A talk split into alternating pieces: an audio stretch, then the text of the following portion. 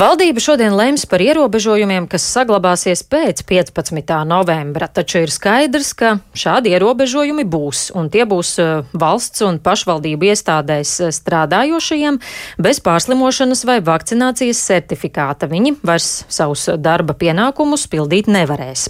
Bet jau vakar tiesā skatīja pirmo prasību par pienākumu vakcinēties, ko iesniedzā Labklājības ministrijas ierēdne ar ģimeni. Spriedums šajā lietā būs zināms sestdien. Savukārt eh, Saimas komisijā šodien lems par likumprojektu, kas uz ierobežotu laiku liektu nevakcinētiem vai covid nepārslimojušiem Saimas deputātiem strādāt klātienē.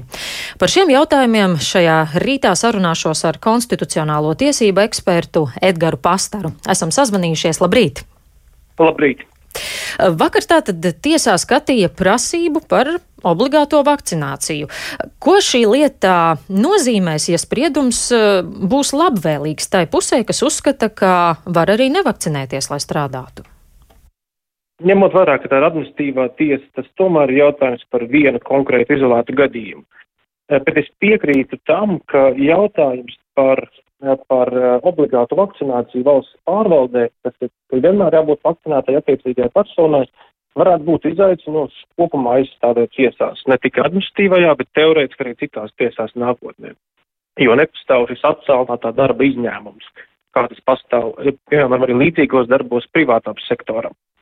Tādēļ būtu svarīgi, kas ir arī sūdzības pamatā aizspriedumi vai tālredzīgi veidot aizstājības taktika, bet kopumā um, lai arī, teiksim, tā valsts rīcības brīva ir plaša, tomēr šis, šis aspekts varbūt iz, izrādīties diezgan līdāns. Un es teiktu, ka šobrīd vienīgais, kas šo simtprocentīgo vakcinācijas pienākumu valsts pārvaldē padara samērīgu, ir mirušo skaits katru dienu. Bet pēc būtības tas, šis ierobežojums ir diezgan diskutabls. Bet es teiktu, ka varbūt valdība, no valdības perspektīvas raugoties ir tā vērts šādu risku uzņemties ar perspektīvu zaudēt kādā tiesā. Tas pats par sevi nav nekas varbūt briesmīgs, bet tomēr šo izņēmumu izņēmums varbūt tas, kas varētu būt visievainojamākais nākotnē. Kāda ir tā tiesu prakse, kas varētu būt šādos gadījumos, vai arī turpmāk, kad izskatīs lietas par šo jautājumu, tiesām būs pamats vadīties pēc šī te pirmā sprieduma, kāds tas būs sestdien, vai arī tomēr katrs gadījums ir tāds, nu, protams, tas ir individuāls, bet vai šis precedents būs noteicošais?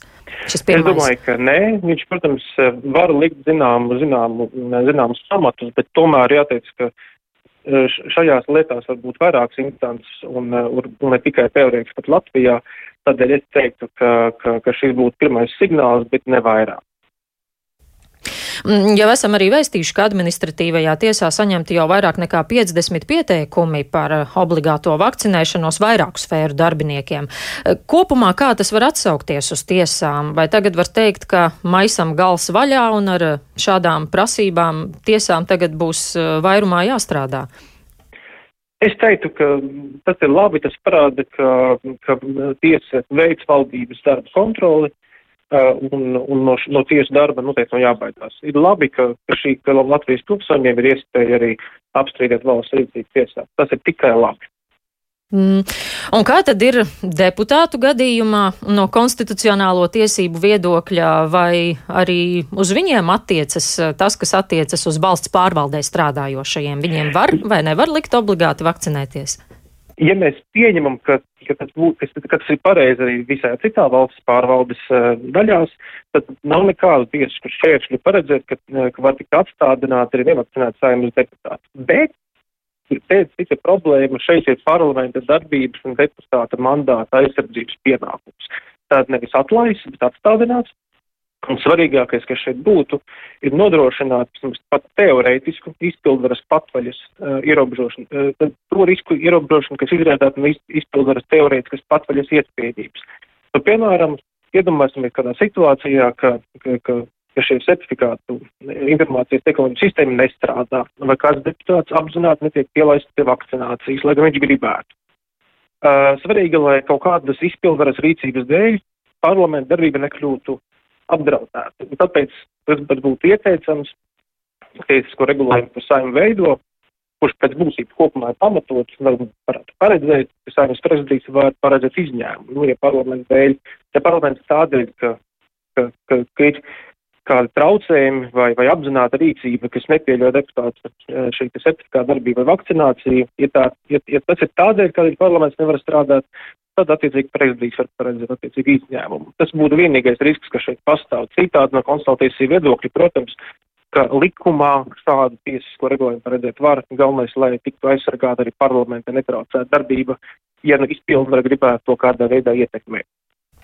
Šis likumprojekts arī paredz, ka no tiem deputātiem, kuri neatbildīs nosacījumiem, proti nebūs vakcinējušies vai pārslimojuši, ka viņiem varētu ieturēt 20% no mēneša algas par katru saimas sēdi, kurā viņi nav piedalījušies. Vai šis ir atbilstošs punkts? Jā, nu, es teiktu, ka tas vēl būtu ļoti atbilstoši, jo atstādināšana kopumā publiskajā sektorā un arī privātajā sektorā ir bez maksas. Tad apstādināšana rīkstā. Par to darbinieks neko nesaņem. Nu, kādēļ lai deputāts par to saņem? Mm. Un kā ir ar tiesnešiem, vai viņi kaut kādā veidā stāv ārpus šāda likuma, vai, protams, tas attiecas arī uz viņiem par obligāto vakcināciju? Es domāju, ka nebūtu pareizi nostādīt tiesneši un citi šādā pretstatā, jo tiesneši ir eh, vienlaikus privileģēti un vienlaikus ar lielāku atbildību, jo eh, satversme arī paredz ļoti iz, izņēmumu gadījumus, ka tikai tiesnesis, tiesnesis var zaudēt savu amatu. Līdz ar to arī tāda no tāda juridiskās regulācijas pieeja eh, tiesnešu amatu ir daudz grūtāk regulēt, viņi ir vairāk aizsargāti tieši tādēļ, lai mēs varētu paļauties uz neatkarīgu tiesu varu. Un vienīgais gadījums, ko satversme paredz teorētiski, tad mums jākonstatē, ka tas ir, piemēram, notiesājošs spriedums vai tiesneša disciplināra pārkāpums, kas saistīts ar viņu darbu. Līdz ar to tīri no tādas teorijas viedokļa, jo satversmē jau paredzētā viedokļa ir daudz grūtāk regulēt to, vai tiesnesis uh, ir atstādināms vai, vai, vai izbeidzams uh, viņa amata status. Tad šeit es teiktu, obligāti vakcinēt viņam attiecās, bet šī sankcija uh, to ir daudz sarežģītāk paredzēt tīri no tās, nu, ties, tieši neatkarības viedokļa, bet es saprotu, ka, ka tomēr, ka tiesneši šo jautājumu visticamāk var risināt savā, savās iekšējās pārvaldes institūcijās uh, ar, ar, ar, ar, ar savu motivācijas spēku, lai, lai tiesneši būtu vakcinēti. Un uh, tiesas zālē neapdraudētu tikus uh, līdzdalībniekus.